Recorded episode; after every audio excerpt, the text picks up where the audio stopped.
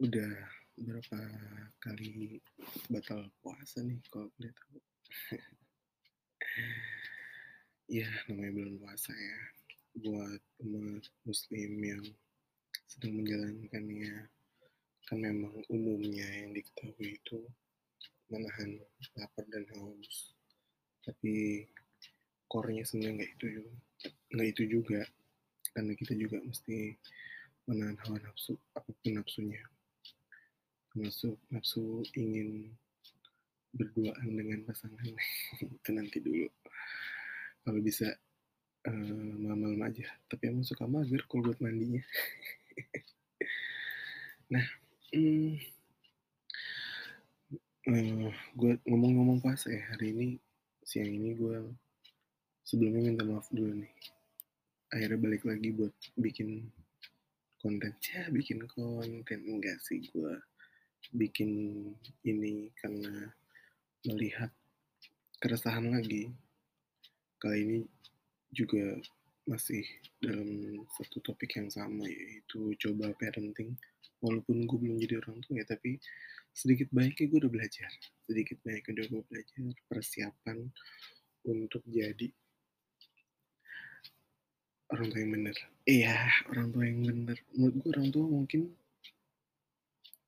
bisa dibilang semuanya benar ya tapi at some condition mungkin ada beberapa orang tua yang mungkin melakukan perbuatan-perbuatan yang menurut dia benar tapi menurut umum itu sebenarnya salah tapi dianggap benar aja.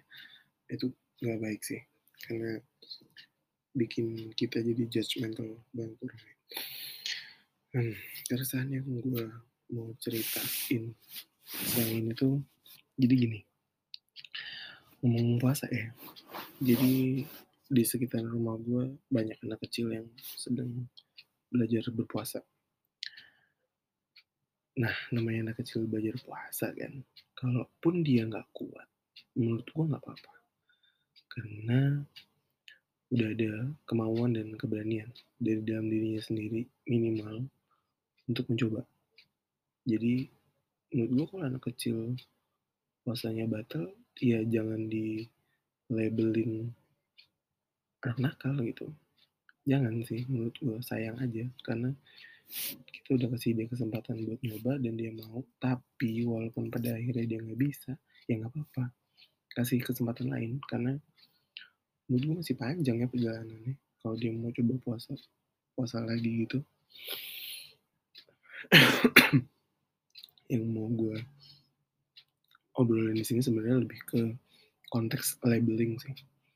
Labeling itu menurut gue salah satu konsep mengajar mendidik yang punya efek samping begitu besar pada saat si anak nanti dewasa. Karena ini gue cerita pengalaman gue sendiri sih.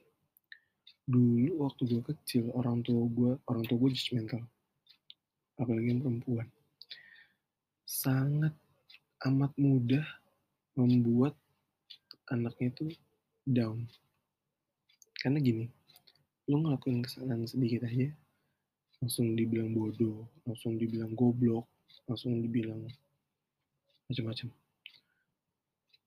Uh, bahkan bahkan saking saking parahnya tuh ada ada kata-kata binatang keluar dari nyokap gue waktu itu untuk nge-labelin gue bukan bukan lagi oh benar nih anak nakal nih di dia anak nakal enggak bukan.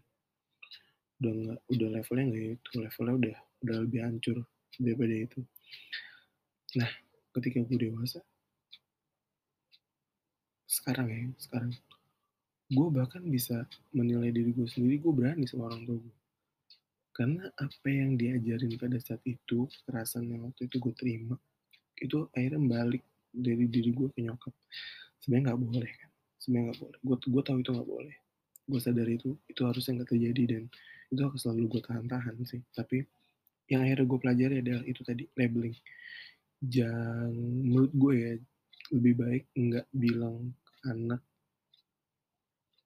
kata kata-kata yang punya tone negatif banget.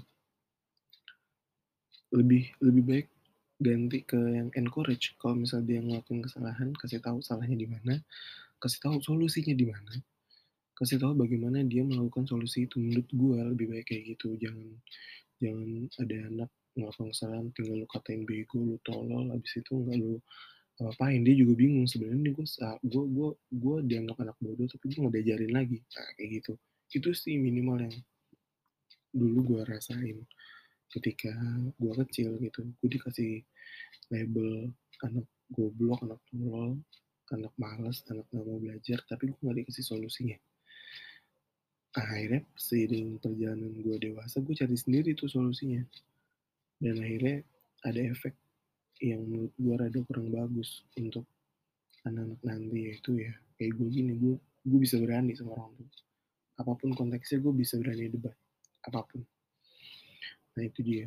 Uh, maka dari itu terus gantinya gimana nih ketimbang labeling itu tadi? Menurut gue kita bisa ganti kata-kata labeling yang negatif jadi encouragement gitu. Kayak misalnya misalnya di battle puasa. Kayak sekarang di konteksnya. Ada tetangga gue anaknya batal puasa terus dikatain goblok dikatain tolol anaknya nangis. Ya makin makin sedih aja tuh hari-hari Ramadan dia. Menurut gue bisa aja kita ganti gini. Ya udah ini kamu udah batal. Ini salah loh sebenarnya. Nggak bisa gini kalau puasa.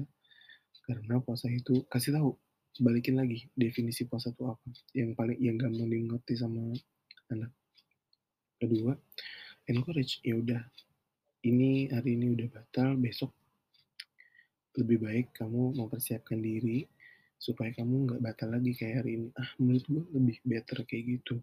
Kasih tahu ke dia tuh gimana caranya mempersiapkan dirinya. Contoh, uh, buka puasa waktunya tepat, istirahat, ya kan tidur waktu tidur malamnya cukup, pas sahur mau dibangunin, uh, habis sahur jangan langsung tidur, subuhan dulu, habis itu kalau mau tidur lagi sebentar boleh enggak juga nggak apa-apa lanjut.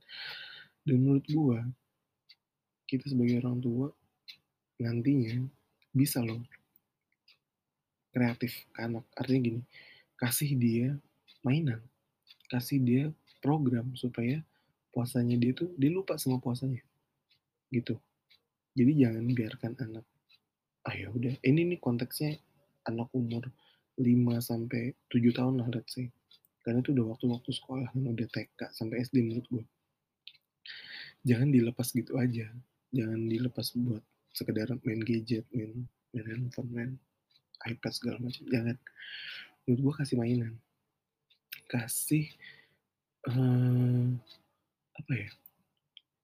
Program-program yang sebelumnya mungkin belum pernah lu lakuin ke dia. Contoh, kasih dia belajar nanam pohon, semai semai biji, ya kan? Bagaimana main tanah, bagaimana siramnya, bagaimana mupuknya, itu itu boleh banget, ya kan? Minimal ada mainan-mainan outdoor yang bisa menurut gue ya, itu kan juga ngelatih psikomotorik tuh, ngelatih segala macam. Jadi sembari lu kasih tau nalar gitu, di situ pasti ada nanti ada ada lesson-lesson yang bisa dia dapat gitu. Nah, dari situ menurut gue ya, puasanya juga akan makin makin bermanfaat akhirnya gitu makin dapat hikmah aja lu dapat hikmah anaknya juga dapat manfaat kayak gitu jadi ini, ini banyak banget sih. Maksud gue kalau mau bikin program-program gitu mau bikin mainan itu tuh banyak banget lu cari di internet tuh banyak banget yang bisa lu kasih ke anak. Jadi anak tuh nggak cuma sekedar nunggu waktu buka doang tapi dia lupa sama laparnya dia lupa sama hausnya dia lupa sama amarahnya. Nah itu. Jadi bisa lu encourage ke arah situ. Oke? Okay? itu itu itu sih yang yang jadi keresahan gue jangan jangan ngelabelin anak deh jangan. Menurut gue jangan. Efeknya efeknya bahaya efek efek setelah dia dewasa. Itu bisa balik ke orang tuanya. Ya ini yang uh, in short tuh bisa gue kasih tahu ke lu apa yang lu tanam ke anak. Itu yang nanti akan lu petik kemudian hari. Apa pun buahnya. Either positif atau negatif lambat laun cepat atau lambat lu akan dapet balik itu itu itu dulu tuh core-nya gitu nah buat yang dengerin ini kalau misalnya ada yang tahu program atau bikin mainan kreatif buat anak selama bulan Ramadan lu kasih tau gue aja nanti gue obrolin lagi. Oke? Jadi segitu dulu yang bisa gue obrolin nanti kita ngobrol-ngobrol lagi. Oke? Dadah.